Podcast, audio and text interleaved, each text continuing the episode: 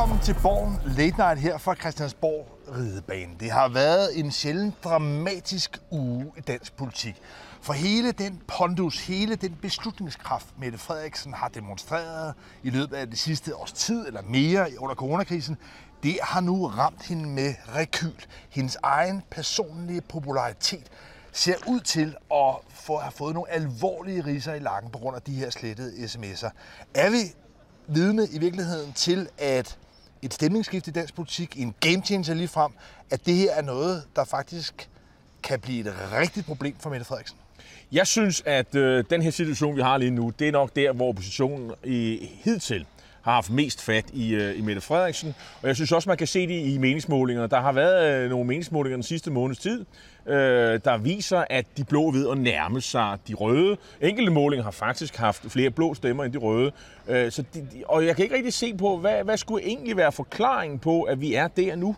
Øh, andet end, at der har været den her sag, der har skal man sige, skygget, øh, og, og hvor der har virkelig øh, været øh, strøm på, i hvert fald i forhold til øh, de blå øh, partier, som jo nærmest løber stormløb øh, mod øh, statsministeren i, i skal man sige, takt med, at ting ligesom bliver oprullet i den her grænsningskommission, som jeg tror, mange af os måske sagde, ja, de finder nok ikke rigtig noget, og, og det, det, den, den sag, den, øh, den overvinder øh, Mette Frederiksen jo nok. Øh, og det kan hun stadigvæk noget at gøre, men der er bare øh, helt helt forhold, øh, og det man kunne, kunne sige, øh, der er nogle forhold, som øh, kunne, kunne tyde på, at der er gjort nogle bestræbelser på at, at, at dække over de øh, drøftelser, der var, da man traf beslutningen om omkring de her ting i form af slettet sms osv.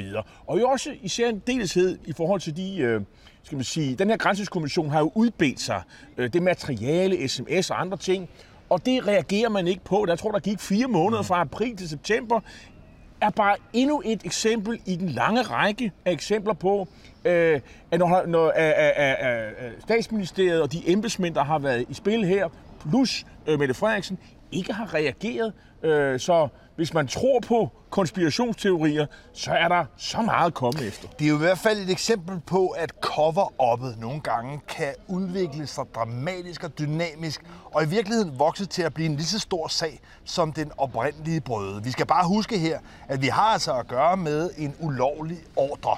På samme måde som at Inger Støjberg lige nu sidder i rigsretten for at have udstukket en ulovlig ordre, så har vi også her i kernen en ulovlig ordre om at slå alle mink ned.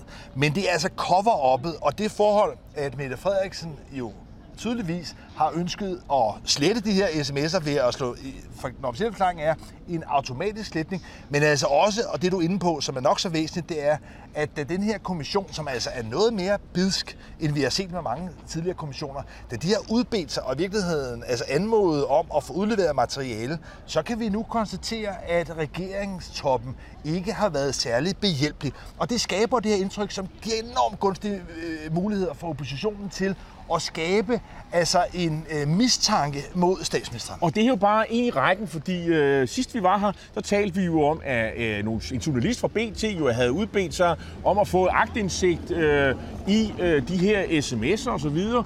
Og, øh, og der gik der, øh, jeg tror det er, øh, øh, der var ganske få dage, øh, før den her synes, anmodning øh, udløb. Altså der trak statsministeren simpelthen svaret, og, og der var det simpelthen for sent at få de her sms'er. Øh, det ser konspirationsteoretikere, kritikere, som, som et, et bevis på, at øh, systemet herinde, de forsøger at, øh, og, og, og, og, og ødelægge de muligheder, der er for offentligheden, for grænsningskommission, det er meget alvorligt, vil man sige, og for pressen for at finde ud af, hvad der er op og ned i det. Måske fordi vi allerede nu kan konstatere, at de her sms'er afslører et voldsomt frisprog. Øh, der er en øh, departementsråd her i øh, statsministeriet, som sagde omkring øh, de her mink øh, øh avler, luk lortet. Øh, det man jo nok øh, tyder på, det er, der kunne forestille sig, det er, er det ligesom tonen, at man har talt med hinanden her? Øh, vi har jo set Barbara Berlsen, altså departementchefen, komme med nogle sådan meget, øh, godt nok høviske betragtninger i, i sms'erne, men også meget kontante. Er, er det, er, kan man genfinde øh, den slags øh, ting i de øh, sms-korrespondencer? Det tror jeg. Men ja, nu bruger du ordet konspirationsteori. Og der ligger jo, at det her er sådan en lidt skør, altså øh, sådan lidt sølvpapirshat tilgang til det. Der vil jeg altså bare sige, at hvis man kigger også øh, både nyere og lidt ældre politisk historie, så har det ofte været de her forsøg på ligesom at dække, og i hvert fald at have bragt sig en situation, hvor man bliver, altså kan man sige, meget, meget, meget sårbar over for kritik om at ville dække. Og lad mig bare nævne to spektakulære sager. I nyere tid, der oplevede øh, USA's daværende udenrigsminister Hillary Clinton at få en shitstorm af en anden verden imod sig, fordi hun også ret mystisk havde brugt en privat e-mail-server, mens hun sad som udenrigsminister. Det vil sige, at al e-mail ikke var blevet journaliseret officielt, men hun havde brugt sin egen e-mail-server. Det var noget, der gjorde, at republikanerne kunne lave stormløb mod hende og sige, at hun nok havde noget at skjule. Og selvfølgelig helt og absolut mest spektakulært tilbage i Watergate-sagen. Det, der i virkeligheden fældede Richard Nixon, det var ikke så meget det oprindelige indbrud. Det var snarere, at det viste sig, at man havde slettet 12 minutters telefonsamtale, hvor Richard Nixon havde siddet ved det ovale værelse i det hvide hus og talt i telefon. Og på mærkeværdig vis, så var der lige præcis 12 minutter, der var blevet slettet. Det var i høj grad det, der fældede Richard Nixon. Og der synes jeg, der er en parallel. Det er klart, man kan passe på med måske ikke at overstyre det. Der er ikke tale om et indbrud her, kan man sige. Jo, det, det vil nogen jo nok sige, Men man kan sige, at det, det forhold, været. at der altså var slettet øh, telefonsamtale, det synes jeg bærer nogle, øh, i hvert fald sammenlignelige spor med det, at man nu har slettet sms'er. Og pointen her er altså, at det er den sårbarhed over for at fremstå som en person, der har noget at skjule, der har noget fordækt. Og det er altså den position, Mette Frederiksen nu har bragt sig selv i, og som koster på den personlige troværdighedskonto. Men når jeg siger konspirationsteori, så er det fordi, at øh, den teori, øh, eller konspiration kan man sige, det er jo en forestilling om, at øh, der er blevet truffet en bevidst ulovlig beslutning om at, om at beordre de her minkavler til at slå deres øh, minkdyr, avlsdyr ihjel. Og, og det skete, øh, selvom man havde fået at vide, at det var ulovligt. Det, det er sådan set det, der er teorien her blandt, blandt kritikere. Efterfølgende, så, så var der et cover-up, som du siger, det ved vi jo ikke, om der var. Øh, det er det, der er konspirationsteorien, kan man sige. Øh, og, og, og der findes jo indtil videre jo ikke nogen beviser for hverken det ene eller det andet.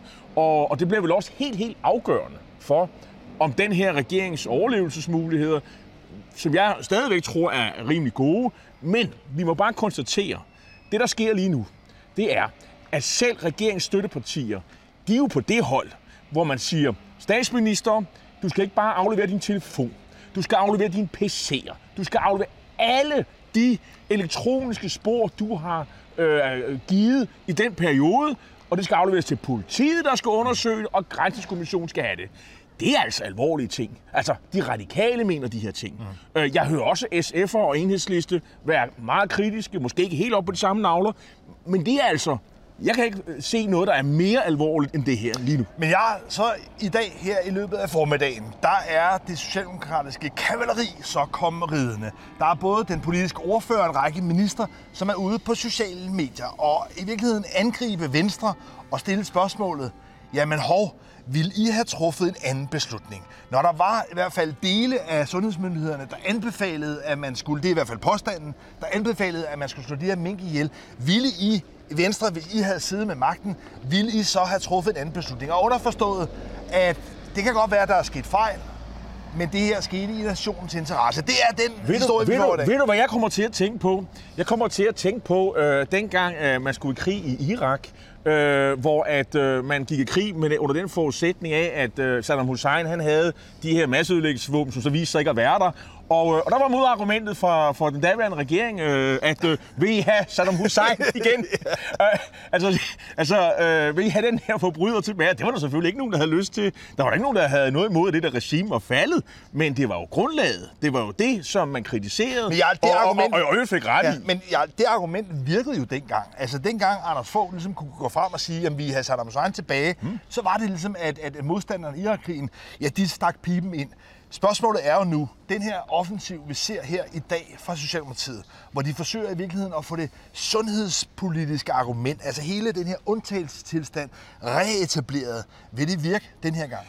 Jeg, jeg vil sige, øh, hvorfor ikke gøre forsøget? Det, det, det mest forunderlige, Lars, det er, hvorfor, hvorfor er du først kommet nu? Altså, altså øh, selvfølgelig skal de der på banen, men hvorfor først nu? Altså, jeg, vi, vi kan jo høre, at der er nogen, der står og, og, og er i gang med at lave hestesko herinde. Vi, sidder, vi er på Christiansborg ridebane. Der er jo hestestalle her. Det kunne være det kavaleriet, men de er altså først i gang med at lave hesteskoene. De har ikke engang fået sat den på øh, ud over stæberne, og redde prærievognen med Mette Frederiksen og resten af regeringen, som jo, de skulle have været i gang for 14 dage siden, tre uger siden. Nu, nu kører det jo. Fortællingen er jo ved at blive skabt om, at, øh, at Mette Frederiksen, som kommer med alle de her øh, tekniske forklaringer, det er, jo, det er jo næsten Mette Frederiksens vision om, at der kommer en, øh, en ny, øh, øh, der, der kommer en, en, en god løsning i morgen. Det er, at der var tekniske problemer, der var tekniske problemer, jeg havde tekniske ordninger, og, og når man så går ind i det og begynder at finde ind jamen prøv nu at høre her, Kevin, Øh, der er jo faktisk ikke nogen tekniske argumenter, der er relevante. Alle dem, der ved noget om det her, de siger, jamen det behøves man slet ikke, og hvis det jo er øh, sådan noget, øh, altså hvis det er virkelig noget, der er top hemmeligt, så skal man slet ikke sende en sms. Det kan jo læses af alle mulige øh, lande og sådan noget, så det skal man slet ikke. Men det, der er det giftige i den her udvikling, det er, at hele den her sms-gate-skandale, den kommer i virkeligheden på ryggen af en en, en udvikling i meningsmålingerne, hvor Socialdemokratiet var begyndt, kan man sige, ligesom at falde ned. Den rally around the flag-effekt, der var under coronakrisen, den var allerede begyndt, kan man sige, at fuse ud. Så kommer det her oveni, og vi ser altså målinger, hvor Blå Blok, ja faktisk i nogen, altså nu ser ud til at være sned sådan en lille bit smule foran. Og det har i hvert fald gjort, at de borgerlige partier herinde på borgen er begyndt at på en eller anden måde lige pludselig for første gang siden valget og i hvert fald se det som en mulighed, at de kunne gøre comeback. Der er i hvert fald, synes jeg, det virker til hos øh, Venstre, er der en ny øh, gejst. Ja, altså man kan jo samles om den her sag. Det, er jo, det, er jo, altså, det her er jo en sag, hvor, hvor, hvor, hvor nye borgerlige, Dansk Folkeparti øh, holder op med at, at, at være rivaler. Det er måske kun i Europa højst. øh, og man kan være sammen med øh, Liberal Alliance, og alle kan have det godt med hinanden i stormløbet mm. øh, her. Det er også en sag, som de radikale også øh, deltager i. Måske ikke med helt øh, samme toneleje, men... Øh, men, men spørgsmålet er jo også, Lars, om, øh, om det her bare er overturen til alle de møgssager, som en regering uvilkårligt vil få op under navle, navle, øh, neglene. Øh, og der ved vi jo, at hver gang der er en møgssag, jamen så de mennesker, der sidder heroppe, departementchefen, statsministeren, de er fedtet ind i den, fordi man har lavet en, øh, man, man reagerer på en måde, hvor at øh, den øverste top er fedtet ind i alt. Også alt det, der er gået galt. Så det vil sige, jeg øh, forventer herfra og så frem til valget, måtte der komme andre sager, der er dårlige, øh, jamen så skal man have fat i Barbara Bertelsen og, og, øh, og statsministeren og hendes øh, særlige øh, rådgiver, stabschefen osv., for at se, om, øh, om de måske har været inde og påvirke det der. Og det har de øh, indtil videre. Øh, så det, det er jo en af de bagdele, der er ved, at statsministeren blander sig i alt. I gamle dage, så havde man en anden form. Jamen, der fik øh, ministeriet lov at sidde og rode med det selv. Og så var det først, når det gik helt galt, at så kom statsministeren, det var ofte Slytter, med en stor brændslange og slukkede branden, og så fyrede han de der mennesker, der skulle udskiftes, så startede man forfra og rydde op.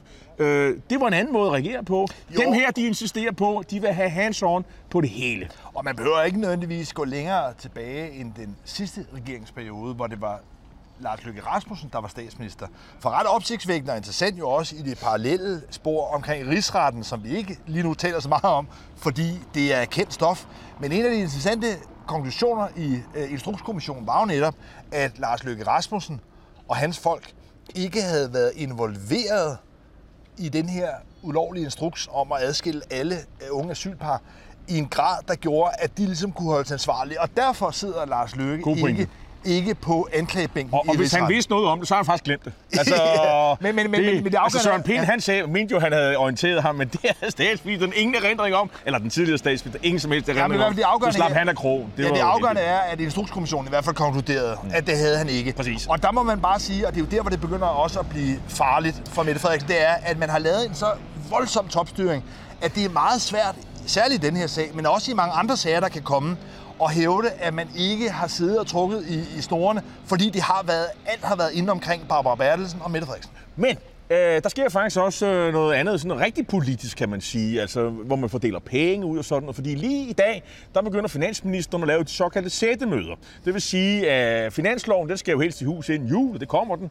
Øh, og der skal være holdes nogle møder, og så planlægger man sådan, hvad skal man snakke om. Og det er jo så historisk få penge, der øh, man kan snakke om, Alle forventer, at det bliver med øh, den, den øh, med regeringens øh, støttepartier, at man gennemfører det. Og så kører der jo et parallelt forløb, nemlig den her øh, plan, hvor, hvor Danmark skal kunne mere, øh, som Mette Frederiksen lancerede, hvor der er jo alle mulige planer. Det er en reformpakke. Og, øh, og der har Venstre jo sagt, at øh, de vil have topskattelettelser. Og det er lidt, øh, lidt lang tid siden, man egentlig har hørt Venstre øh, spille den melodi. Mm. Det har ellers været noget, man har reserveret til Liberal Alliance, øh, de konservative indimellem, og, øh, og nye borgerlige. Men øh, så nu er man ligesom i hvert fald her øh, sagt, det vil man gerne. Øh, det handler selvfølgelig om arbejdsudbud. De radikale vil også gerne have, øh, at man sætter mm. topskatten ned. Så her er allerede lavet en borgerlig alliance, Nok minus øh, Dansk Folkeparti, som jo i den forrige regering lavede alt muligt, eller øh, regeringstid lavede alt muligt krumspring, og nærmest fik det helt til at eksplodere, fordi man var imod det. Øhm, så øh, det er jo ret interessant, at, fald... at, at, at man nu går ind på den her bane, og det, det viser måske også, at der er et kommunalvalg i gang, hvor Venstres formand måske også har behov for at ligesom vise flaget. Ja, ja, vi går også ind for skattelettelser i Venstre stadigvæk. Det er det klassiske Venstre, der ligesom bliver rullet ud her.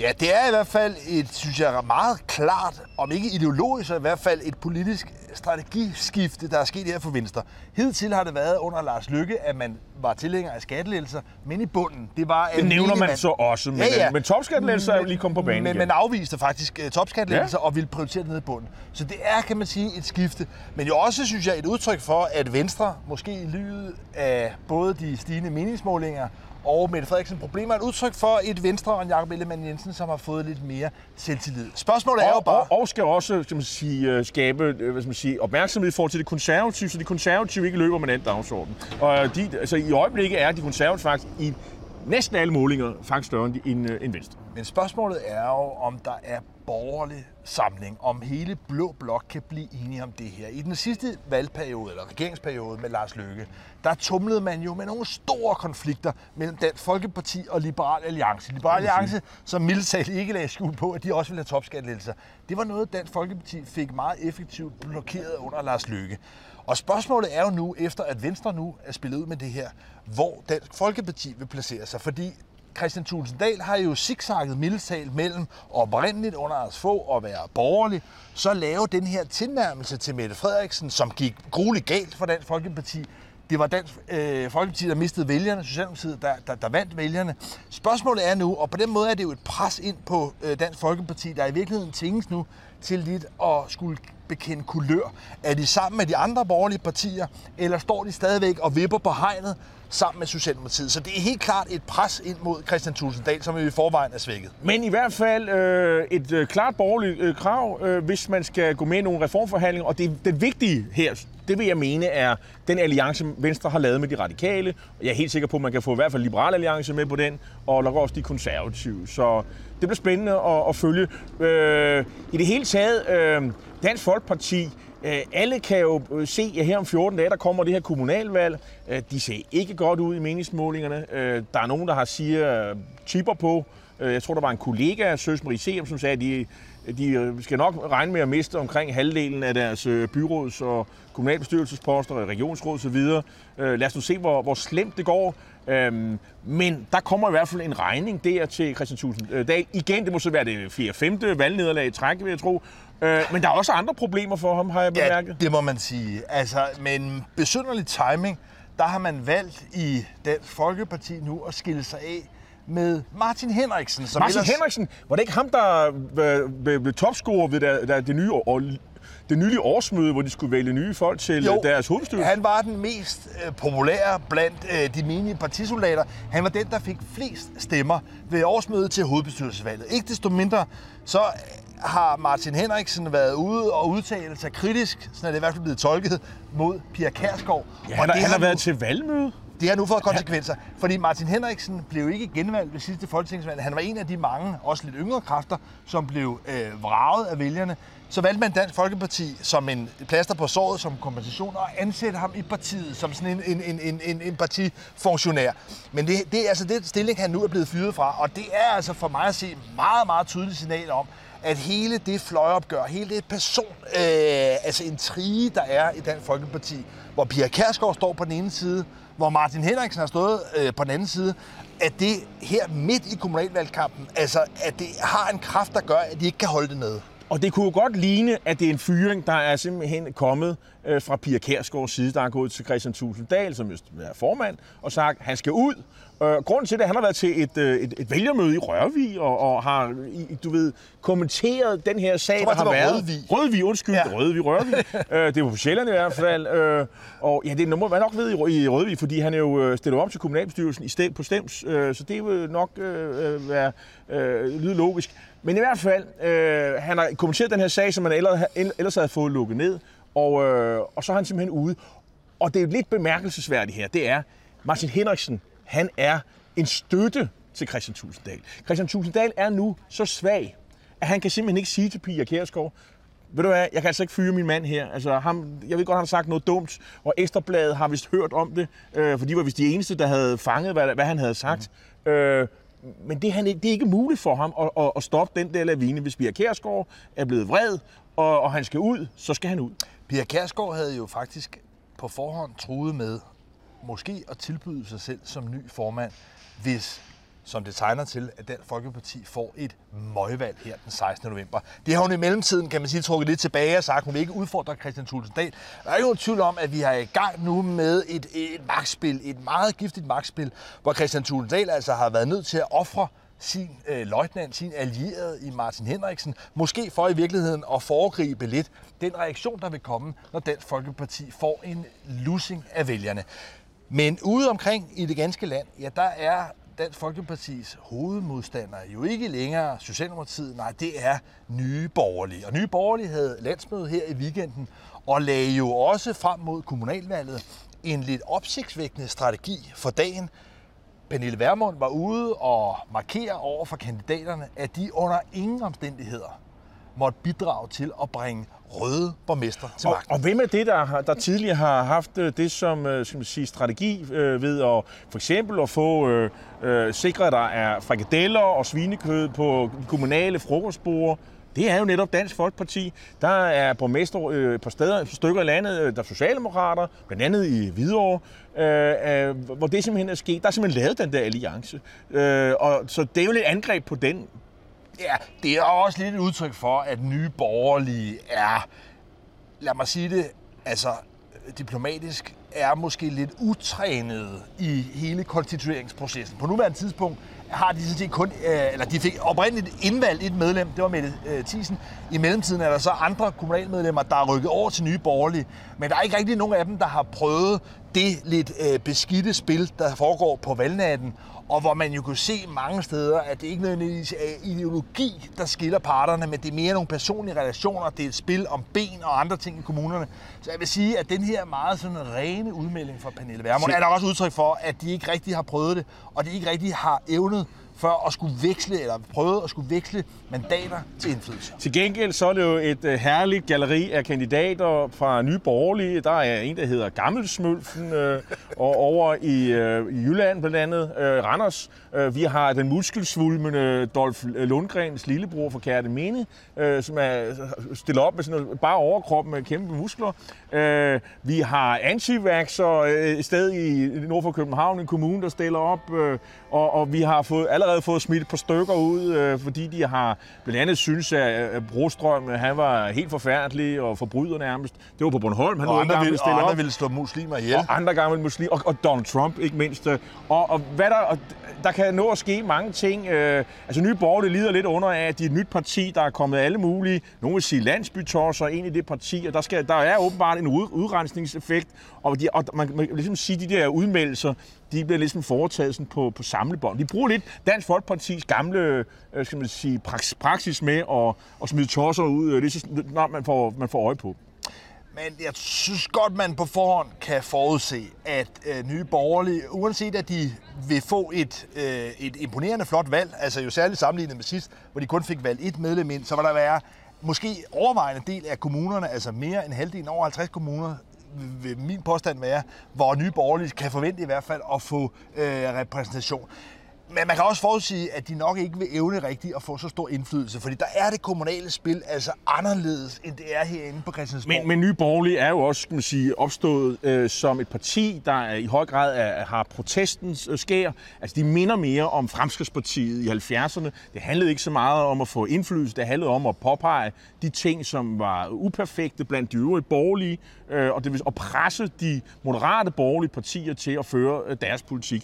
Det, det, det ser jeg ligesom, øh, er ligesom øh, modellen for, for nye borgerlige. Men vi skal ikke lige øh, glemme Dansk Folkeparti. Kan du huske øh, den der øh, fotogene familie fra, fra, fra Fyn, øh, der havde sådan en, en collie, tror jeg, en retriever eller sådan en hund. Øh, det var sådan DF-familien, der stillede op i kommunalvalget. Ja, det var faktisk endnu værre, fordi Nå. det var et billede af en familie, hvor man så bagefter havde photoshoppet en hund ind. Så den hund var oprindeligt ikke øh, på billedet, så det var i virkeligheden endnu mere kunstigt men, sat op. Men det var sådan en kernesund øh, dansk familie med far, mor, børn og der bedsteforældre osv. Og, og, og hele den her familie, de var jo engageret, dybt engageret i Dansk Folkeparti som byrådskandidat og andre ting. Øh, hvordan tror du, de har det i dag? Ja, nu har jeg jo så øh, læst opslaget i Jyllandsposten her forleden dag, og de har alle sammen nu forladt Dansk Folkeparti. Og på den måde er den her familie jo blevet et sindbillede på den altså øh, opløsningshistorie, Dansk Folkeparti ikke bare har været igennem, men som de nu også, kan man sige, skal trækkes igennem frem til valget. Fordi det er simpelthen, at deres ikoniske familie, den der ligesom skulle symbolisere hele den sådan nationalromantiske hygge, Dansk Folkeparti gerne repræsenterer, ja, de er altså nu, øh, har nu vendt øh, projektet øh, ryggen. Og det er jo altså en, en, en, en, en bidende udvikling. Det næste, det bliver, at de bliver nødt til at nedlægge øh, borerne med, med, med de røde ternede due og, og, og, og flæskestegen osv., og, øh, og så er det helt slut øh, med hensyn til symbolik og så videre. Det var vel, hvad vi havde øh, valgt at bringe i dag og tale om i den her uge. Vi er tilbage igen næste uge her fra Christiansborg øh, Ridebane. Tak fordi du så med.